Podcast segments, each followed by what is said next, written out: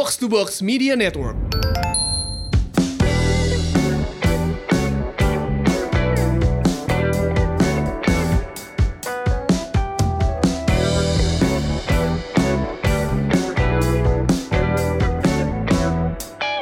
Oke Semurian dan sekarang kita udah ada bintang tamu Mas Omar Agus. Mas Omar ini seorang uh, ultramaratoner. Lo bayangin ya, maraton aja tuh udah berat 42 km lebih. Ini ultramaraton dan Mas Omar itu di Padang Pasir. Lo kebayang, lo nggak kebayang deh uh, waktu gue baca ceritanya tuh gue kaget gitu kan. Nah sekarang yuk kita ngobrol-ngobrol sama Mas Omar Agus. Halo Mas Omar. Halo, apa kabar? Hai Mas halo, Omar. Halo. Feli Guina. Halo, kenal. Ya. Apa kabar? Nah, Mas Omar, mau cerita sedikit nggak sih awalnya tuh kepikiran bisa pengen ultramaraton di Padang Gurun itu gimana sih ceritanya? Di Sahara loh. iya Sahara. di Sahara dan yeah. bukan maraton ya Mas, ultra. Hmm. Betul betul. Jadi awalnya saya mendengar mengenai maraton desap atau disingkat MDS ini kira-kira sembilan tahun yang lalu uh, okay. waktu lihat TV. Terus uh, lihat ada orang uh, di BBC kalau nggak salah ya gitu terus ada klip mengenai startnya race ini dan kayaknya wah something yang agak-agak impossible to do gitu. Orang-orang ini ngapain sih kayak it's quite crazy untuk running 250 kilometers and then now ditambah lagi doing it di dalam gurun Sahara. Yeah. So fast forward sampai dengan tahun 2015 jadi kira-kira enam tahun yang lalu uh, saya ketemu dengan seorang kawan yang pernah melakukan race itu. Oh iya. Ketemu sama ya jadi uh, tetapi dia itu hampir lumpuh. Jadi dia waktu saya ketemu tahun 2015 itu waktu saya melakukan London Marathon, mm -hmm. dia baru keluar rumah sakit selama enam bulan dalam mm -hmm. keadaan hampir lumpuh karena dia terserang satu virus. Jadi mm -hmm. uh, lagi satu hari dia lagi latihan 30 kilo lari-lari di Hyde Park di London. Yeah. Terus suddenly dia nggak bisa bergerak dan masuk rumah sakit dan enam bulan itu dia harus dimandiin, harus uh -huh. disuapin, nggak bisa uh -huh. ke toilet sendiri. Yeah. Padahal orangnya ya kondisi sehat, saking sehatnya dia Ironman lima kali, terus wow. dia pernah ikut MDS ini. Jadi okay. berdasarkan pengalaman itu saya lihat kita ini our life can change at any time. Uh, kita diberikan kah ya, diberikan uh, apa keberuntungan untuk bisa uh, berjalan, berlari, and and suddenly itu bisa diambil dari kita kapan aja gitu ya. Jadi itu dasar saya mengikuti maraton The Subs adalah uh, dari rasa bersyukur bahwa wah kita you know why don't we try something that is uh, you know that we can we can try doing gitu walaupun kedengarannya mustahil. Ini buat yang nggak kebayang ya Mar, jarak 250 itu dua kalinya Jakarta Bandung ya, hampir dua kalinya. iya betul. betul betul. Jadi jaraknya itu uh, agak mencengangkan, tetapi kalau dijalankan ya sebetulnya uh, kita sehari-hari mungkin bagi yang pakai jam atau apa, mungkin kita uh, 20 km sehari jalan-jalan keliling-keliling rumah atau ke kantor itu udah satu hal yang ya. biasa ya. Betul betul. So betul uh, itu tanpa kita sadari kita sebenarnya udah terbiasa. Uh, jadi ditanya kenapa? Itu karena rasa bersyukur dan waktu saya mau daftar tahun 2016 awal-awalnya itu hmm. saya daftar tapi nggak bayar. Jadi mundur lah gitu karena hmm. chicken out dan ngerasa wah kayaknya nggak mungkin nggak mungkin. Oke oh, oke. Okay, okay. Tapi, Jadi ada proses itu ya Mas Amar?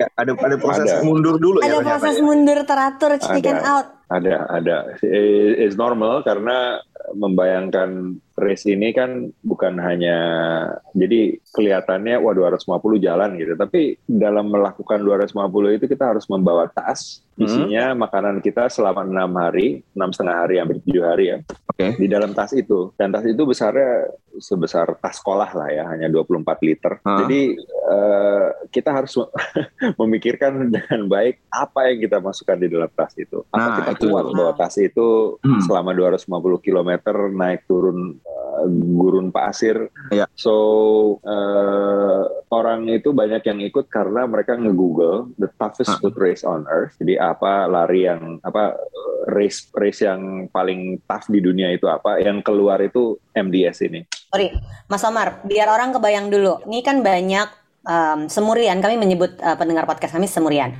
Semurian ini uh, ada yang memang uh, apa ya mendadak atlet jadi casual atlet aja ikut-ikut um, uh, studio, ikut clubs gitu. Tapi ada juga yang memang uh, amatir gitu, serius olahraganya apakah lari uh, atau um, sepeda gitu ya. Uh, tidak semuanya kemudian ambil yang lebih ekstrim kayak uh, marathon atau um, Ironman bahkan Um, yeah. Si 250 kilo ultra marathon itu sebenarnya jadi gimana sih? Kan kalau di race yang ya race hore-hore Jakarta gitu ya, ada jaraknya, yeah. ada finish line-nya, terus ada water station-nya. Um, kalau teman-teman gue yang cerita Tahura gitu misalnya kagak ada win water station orang di gunung gitu nah si ultramarathon di hmm. Sahara jadi nggak ada water station ini pertanyaan bodoh yang menurut gue semua orang uh, pasti ya apa Sahara lari gitu ya, water station itu ada. Jadi race ini adalah namanya ini resmi, stage kan? race. Gak tiba-tiba lu ya, lari di jadi, Sahara. Enggak, enggak. Nah, jadi ini stage race. Jadi ya. ada enam, actually enam setengah hari. Jadi selama enam hari itu kita uh, siangnya kita melakukan race, malamnya kita istirahat, dan waktu kita melakukan race itu kita dijatahin botol air. Jadi jatah airnya itu setiap peserta itu antara uh, eh, 12 sampai dengan 20 liter per hari, tergantung hmm. dari panjangnya trayek yang kita lakukan pada saat itu. Dan itu yang tadi hmm. Mas Omar bilang harus dibawa. Nah, airnya disediakan karena nggak mungkin okay. kita bawa air sebanyak itu. Tetapi hmm. makanan, hmm. sleeping bag, sendal, pompa untuk uh, nyedot racun, misalnya saya digigit ular atau digigit kalajengking, itu semuanya di dalam tas. Keperluan medis saya, survival saya, semuanya di dalam tas. Jadi tas saya itu betul-betul hidupnya saya dan setiap peserta MDS selama bersama si tas enam hari mereka di ya kenapa dilakukan seperti itu karena kemungkinan kita kehilangan arah dan tersasar di gunung pasir itu sangat besar jadi kalau misalnya kita memang get lost at least uh -huh kita punya survivability Survival dengan adanya ya. barang-barang ya. itu. Ya. Dilengkapi alat elektronik untuk komunikasi dengan panitia nggak mas? Mungkin telepon GPS ya. atau apa gitu? Jadi uh, kita diberikan setiap peserta diberikan satu uh, apa satu device yang besarnya setengah handphone gitu ya uh, itu untuk trackernya kita jadi panitia bisa melihat saya lagi di mana posisinya okay. terus di tracker okay. device itu ada satu tombol SOS oh, okay. jadi uh, dan itu hanya dipencet kalau betul-betul memang kita dalam keadaan yang mengancam jiwa. Hmm. Did you ever have to, Mas Omar pernah nggak sampai harus pencet itu? Alhamdulillah enggak. Dan enggak uh, tapi di dalam race itu alat itu dalam sejarah 35 tahun race ini uh, kayaknya belum pernah ada tingkat kegagalan yang setinggi ini. Jadi hanya 52 persen, 50 persen, 52 persen yang bisa finish. Sisanya itu wow. uh, jadi dari 680 peserta yang finish itu uh, 5, 351, yang nggak finish itu 320 yang meninggal. Jadi satu. DNF itu biasa gitu ya? uh, iya, enggak, biasanya di race ini nggak sebanyak itu dia. Oh biasanya nggak sebanyak itu. Ya, Aku terhibur. Aku berkali-kali ya, ya. maraton DNF, tapi nggak MDS. Oke. okay. Mungkin saya mau mungkin saya mau ceritakan sedikit dengan DNF ini ya karena ya, tadi ya. udah ngomong DNF ya. Ini wisdom yang saya mau sampaikan, apa yang saya pelajari dari MDS ini mengenai DNF. Saya itu lima tahun memikirkan MDS dan hanya MDS, dan saya itu bisa lulus MDS karena saya DNF banyak sekali. Jadi oh, ya? tahun ya ini saya mau share ya. Jadi oh, ya ya ya ini menarik banget karena kebanyakan orang yang ikut MDS ini mereka ada persyaratan harus pernah ikut Ironman atau pernah ikut race ultra apa segala hmm. macam ya. Hmm. Jadi saya datang itu dari track yang orang-orang ikut race ultra ya. Okay. Banyak peserta ini mungkin 50-60% dari tracknya Ironman. Jadi mereka udah well, they're they're they're very trained athletes gitu. Hmm. Hanya bedanya Ironman itu orang-orang yang performance based. Okay. Jadi mereka itu sangat technical. Wah, sepeda harus gini, makannya harus teratur, harus apa. Yeah. Dan orang-orang ultra itu karena selalu dengan alam di tengah hutan dan harus berdiri sendiri dan mandiri dan ketemu segala macam rintangan, termasuk hantu-hantu yang ada di hutan itu, ya.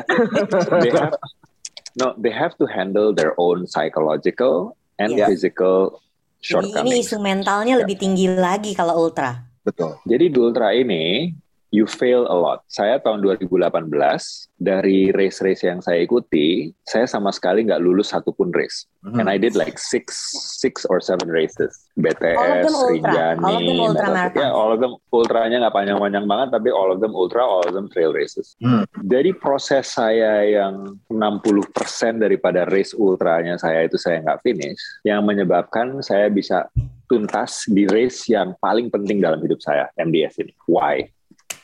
Kenapa? Sebentar mas, saya mau tepuk tangan dulu. Ini keren banget. nah, iya mas, apa kenapanya itu? Kenapanya gini, when you fail, kalau kita gagal, kita belajar sesuatu tanpa tanpa kita sadari. Ya, kita belajar mengenai dalam hal ini let's say saya fail karena kaki saya lecetnya di jempol kanan yang ujung ya. Hmm. So I know the next time itu weakness saya. Oke. Okay. Ya. I fail karena oh lagi itu saya uh, makannya kurang. Nutrisinya uh, harus saya rubah ya. Hmm.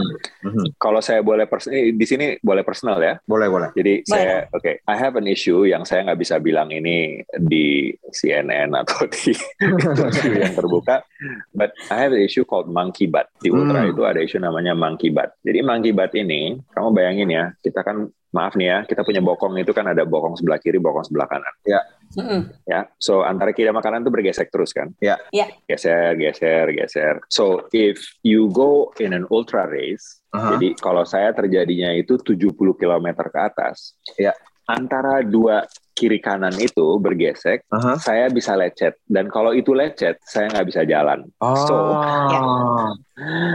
sesuatu yang hmm. kecil yang efeknya luar biasa dong itu. Iya iya iya iya. Ya. Yes. To me itu adalah showstopper. Hmm saya terjadi wow. seperti itu, I cannot go. Bisa lanjut. Uh. Jadi beberapa bulan yang lalu kawan saya di Singapura kita lagi melakukan virtual race 170 km. Dia nggak pernah ngalamin itu because he is lagi waktu itu dia record holder record holdernya UTMB Indonesia.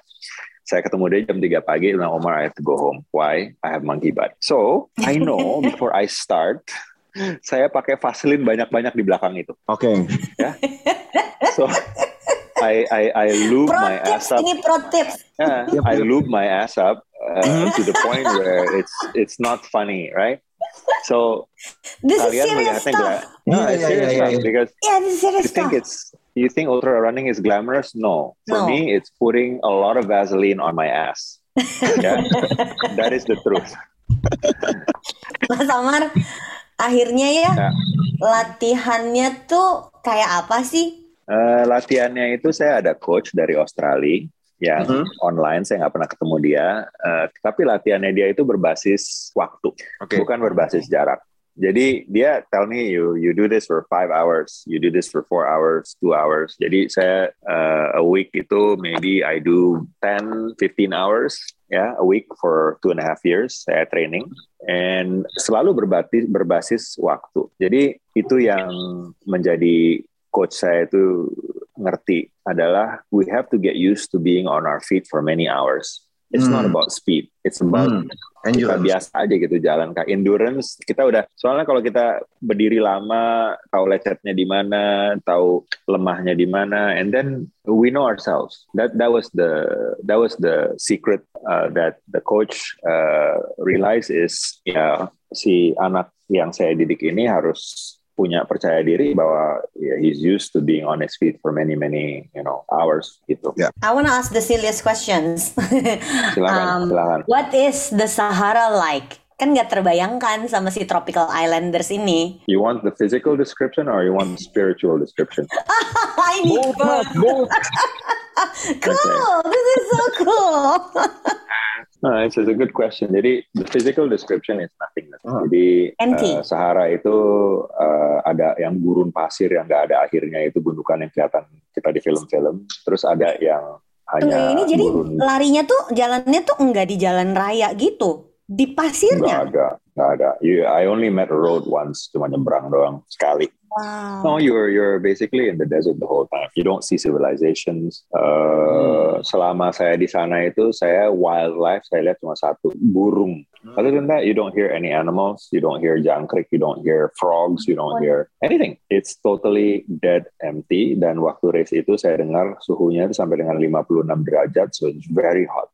So nothing lives there. Mm. I didn't see any What's on your mind, Mas? Kayak gitu, Mas. Okay, I'll, I'll, so it, which brings me to the spiritual description yeah, of Sahara. Yeah. yeah. When you spend every day pakai kaos kaki, kakinya lagi berdarah-darah, habis itu kita hajar satu maraton setiap hari selama enam tujuh hari itu, and then you're in the heat, in the oven heat, uh, your mind ya dari awalnya ngebayang ini ngebayang itu and then you have nothing to think about and then you have nothing to see because everything is flat everything is gurun pasir uh. so when you talk about zen this is zen extreme oh. jadi uh, I've had personal experiences di mana kita aja kalau lari 10 kilo mikir kan wah hmm. hari ini kerjaan kayak gimana mikir anak mikir masalah ini stres kita uh, jadi stres kita tuh agak hilang dengan kita uh, let the thoughts pass. Now in the Sahara, you, you it's so barren, it's so empty. Kita udah nggak tahu mau mikir apa lagi. I've had instances di mana saya empat, uh, almost eight times ya, tujuh delapan kali, I just started crying, wow. not thinking anything. Jadi the body just unloads in the middle of the desert. It just unloads. Jadi nggak tahu emotionsnya apa. Pokoknya you just I just started crying and and I cried without thinking. I cried with you know dan, dan itu reaksi terjujur badan nggak sih mas? I think so. Jadi uh, saya sangat percaya dengan uh, mind over body and then the mind and the body itu connected ya. Jadi kita nggak hmm. boleh anggap duanya terpisah. And and this is what happens. This is your body offloading and and I think if you ask me personally ya, I left my heart in the desert karena nggak ada tempat lain yang bisa membuat saya seperti itu. Wow. Dan di MDS ini banyak orang balik lagi. Jadi record holder MDS ini ya mungkin kalian juga mau catat ya. He's, dia kalau nggak salah 82 tahun.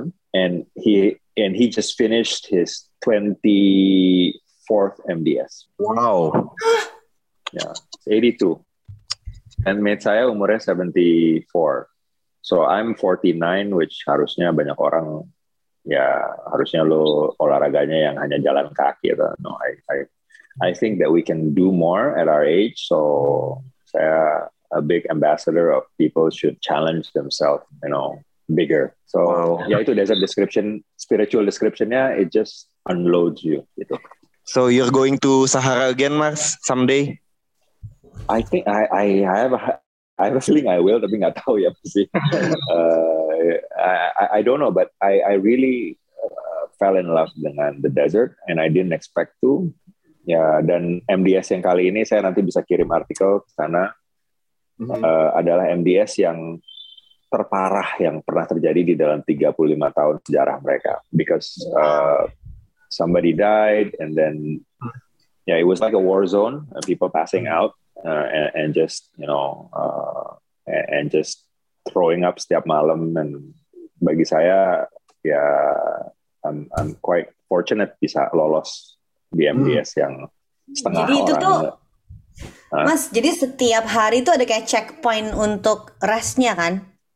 Ya, jadi setiap hari kita pagi jam 8.30 kita start. Kita kalau di stage yang biasa itu finishnya by, you know, jam 3, 4 sore atau jam 5 sore. Terus ada satu stage yang panjang sekali, yang saya startnya 8.30 pagi, finishnya 7 pagi besoknya. Wow. So, oh, oke. Okay. Itu habis jam 7 pagi, rata berapa lama, Mas? mau istirahat tapi susah hmm. karena tendanya itu oke okay, nomor satu ya kalau kamu mau bayangkan tent site-nya ya hmm. kalian misalnya ke pergi ke daerah perumahan BSD kayak Bintaro yang masih tanah merah debu hmm. Hmm. ada angin ya hmm. debu debu gitu aku lagi lihat-lihat gambarnya di, di internet nih ya, nggak nggak ada pohon nggak ada apa terus pasang tiker sama terpal hmm. di atasnya itu aja and then you just sleep there jadi walaupun saya kecapean tapi jadi istirahat pun nggak bisa Iya iya iya. Ya gitulah. Dan malam itu saya uh, ya istirahatnya lebih enak tapi siangnya ya bengong. Waktu saya datang jam 7 pagi itu jam 6 sore masih ada yang orang baru finish. Yang race-nya kan nggak sendirian ya. Tapi kenapa saat jalan malah jadi sendiri-sendiri Mas? I mean kan ada ada kontestan kan? Ya. Uh, well uh, you have to follow your own pace karena okay. jaraknya jauh, kondisinya ekstrim, saya sama orang lain itu kan pasti berbeda-beda. So we have to ya kita punya pace tersendiri lah. So 80% 80% of the time I was alone. Di setiap yeah. race ultra sering terjadi seperti itu. Okay. The idea of unless you're married to the person and you want to make sure you stay married, kita mau nungguin pasangan kita, you just do your own thing. Oh, okay. so uh, dan itu yang makanya tapi kita ketemu terus ya hmm. so, dengan orang-orang kadang nyusul kadang kita disusul and uh, mereka justru jadi inspirasi ya karena hmm. you're feeling like you want to die but no he also is gonna feeling like he wants to die so you're in it together uh, yeah, we're all in the same boat yeah, yeah, yeah. so it, they, they, we inspire each other Yep. What does your family say about this crazy hobby of yours? Well, uh, the, the, the roughest is untuk ibu saya. Jadi dia tiap malam tahajud, and uh, they they cannot understand why someone would want to do this, uh, and they have no choice but to understand mereka. uh, so uh, my wife juga uh, supportive, but uh, she totally understands that she married somebody with uh, with mental disability, like doing stupid things like this. So, uh, yeah, but this is who I am, kan? And mm-hmm. uh, and I think it's very important that kalau ngomong soal family ya, apakah mm. itu anak kita, spouse kita, partner kita ya. Uh, Karena ini high risk kan, Mas. Jadi pasti kan involving yeah. a lot of people kalau mengambil keputusan buat ambil ultra marathon di Sahara gitu. Betul, it's very high risk. Jadi um, one of the things waktu daftar ultramaraton ini kita harus kirim alamat mayat mm -hmm. kita dikirim kemana. Mm -hmm. So uh, so yeah. basically you you you you you, you have a sender's address. So if if something happens to you, where do we send the body? Mm. That's that's that that's part of the registration process. Back to family, I think we should let people do what they want to do. Yeah, our kids, our parents, our apa, because sometimes we forget kita lupa bahwa bagi banyak orang itu who they are is defined by what they do. Jadi uh, let people do what they want to do. Ya ya ya ya ya, ya benar. Ya betul betul. Gitu. Betul. Aku setuju banget. Ini percakapan dari yang tadinya tentang maraton lebih ke banyak uh, philosophical. Gue kayak malah gue penuh. ya, maaf maaf ini mungkin podcast yang salah tapi tapi uh, menarik banget gitu hal-hal yang nggak pernah saya temui di dunia kebugaran uh, yang udah levelnya sampai uh, psychological atau spiritual justru kan aku punya pertanyaan ya. terakhir Um, kan kita ceritanya semur tuh sehat makmur ya mas ya jadi dari sisi kesehatan hmm. sama kemakmuran um, secara ya. finansial um, feel free to explain or not explain uh, the numbers. Um, kalau nggak nggak nerangin angka juga nggak apa-apa mas. Kayak apa um, apa ya kontribusi atau portion finansial yang lu siapkan untuk semua races yang dilakukan dalam setahun, uh, tapi specifically yang si MDS ini. Oke, okay. uh, MDS ini saya orang Indonesia pertama ikut jadi hmm. di garis start aja seorang pertama dan alhamdulillah menjadi orang pertama yang finish. Alhamdulillah finish. Uh, ya, yeah. I think uh, salah satu sebabnya adalah it's not cheap to join. Saya sih akan fair aja, but there is a reason kenapa it's not cheap. Menyediakan logistik di tengah gurun pasir itu nggak nggak mudah dan memerlukan uh, biaya dan logistik yang besar dan untuk menjaga keamanan di MDS itu selalu ada dua helikopter yang monitor yang bisa evacuate. Terus belum lagi ratusan kendaraan. Kalau nggak salah itu botol airnya 162 ribu botol air ya. So it needs a lot of logistic to ensure that I can go back home safely. So uh, and it's in and it's in Morocco. Uh, it's in the middle of nowhere. It involves a chartered flight. Jadi dari Paris uh, kita naik pesawat isinya orang-orang setengah gila semua terus mendarat. Uh, and then we all these loonies land in the middle of the desert. And, Jadi startnya uh, di mana? Sorry mas, dari Paris itu mesti ke mana? Jadi naik Paris di Paris kita naik pesawat charter, and then we are dropped off in the middle of the desert in Morocco, like a okay. closest city yang punya runway. Closest city di Maroko. So, okay. ya, yeah, so uh, nama kotanya kalau nggak salah kali ini era Shidia. Now, uh, So in terms of financials, uh, registration of MBS alone is about 4,000 euros. Yeah. And uh, I think you add another five, 600 for the chartered flight and then my ticket to Sana. But I want, I want, I want to, I want to emphasize one thing karena namanya sehat dan makmur ya. Saya tuh, saya tuh banker. I'm a financial professional for many years. I'm a banker, offshore banker di Singapura. And I think apa yang saya lakukan ini juga goes hand in hand with your profession, di mana you have to be competitive at every level. Jadi in terms of financial, kita juga harus uh, ya istilahnya, alhamdulillah saya bisa melakukan ini dan ada means to do it. But banyak orang juga yang nggak ya they use their money for kayak if you know marathon saya Boston Marathon itu orang-orang ikut Boston Marathon itu banyak yang nggak bisa kualifikasi they spend 10 to 15 thousand dollars which is like three times what I spend right? So uh, yeah it's it's yeah it's it's not cheap tapi at the same time juga you know people spend on Hermes bags as their own MBS kan? So they go get a Kelly they go get a Lindy jadi uh, yeah, those things are twenty five thousand dollars. Uh, but but what I'm saying is uh, finance uh, we have. Jadi bagi saya ini berjabatan dua-duanya. I'm competitive in finance, therefore I want to be competitive in sports. So dua-duanya. So it's it's it's kind of a personality thing. Uh, I don't know if that makes any sense, but uh, there are no excuses. You just have to you just have to perform. Kadang-kadang walaupun it's difficult to perform, dan itu yang uh, yang saya mau sampaikan lah. Sorry kalau kedengeran sedikit. Thank you Mas Omar. Kita Sama seru banget dengerinnya. Keren banget. Keren banget. Saya kagum uh, dengarnya. Uh, I'm going back into shape. I'm going back into shape just listening to this. uh, about getting in shape ya, I really really uh, believe tadi itu no excuses. Uh, so uh, kalau saya boleh share sedikit apa yang saya pelajari waktu saya jadi banker di Indonesia sama saya jadi banker di Singapura is that no excuses. If you are not good at something, yeah, there's no excuses because somebody is gonna like run you over gara-gara oh si Omar bilang dia gaptek gitu. I never say gaptek karena uh, I, somebody will eat me alive knowing my weakness gitu. Jadi there's no excuses. Kita nggak bisa matematik yang ini, yang itu, apa kita nggak bisa ini. No, nggak ada. Kita males, ya kita harus tetap jalanin gitu. That's the one thing yang uh, I think memacu saya itu is ya walaupun saya males, saya punya IG namanya pelari malas, which is true. I am so damn lazy. No, seriously, itu orang banyak nanya saya kenapa kok pelari malas? Karena that's me. I'm I'm lazy, so I need to put myself in a stressful position to move so yourself. I don't stay yeah mm. so i don't stay lazy so like what you said getting back in shape put yourself in a stressful position i don't know maybe sign up for something yeah mm. uh, and and saya latihan dua setengah tahun rutin itu karena because I know if I don't do this I might die in the desert so yeah. I I gotta make sure that saya uh, do what I need to do gitu sih. That's Omar Agus for Semur. Gimana Semurian? Udah dengerin ceritanya Mas Omar tadi? Gue sama Mario berkali-kali speechless gitu ya, Mar? Iya, iya.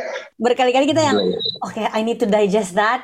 Um, uh -huh. Thank you banget Mas Omar. Uh, gue sama Mario seneng banget bisa ngobrol. Um, so itu tadi obrolan Semur Sehat Makmur bersama saya Ligwina Hananto dan rekan saya. Mas Mario. Buat apa sehat tapi nggak punya uang? Buat apa makmur tapi sakit-sakitan? Live long and prosper. Live long and prosper.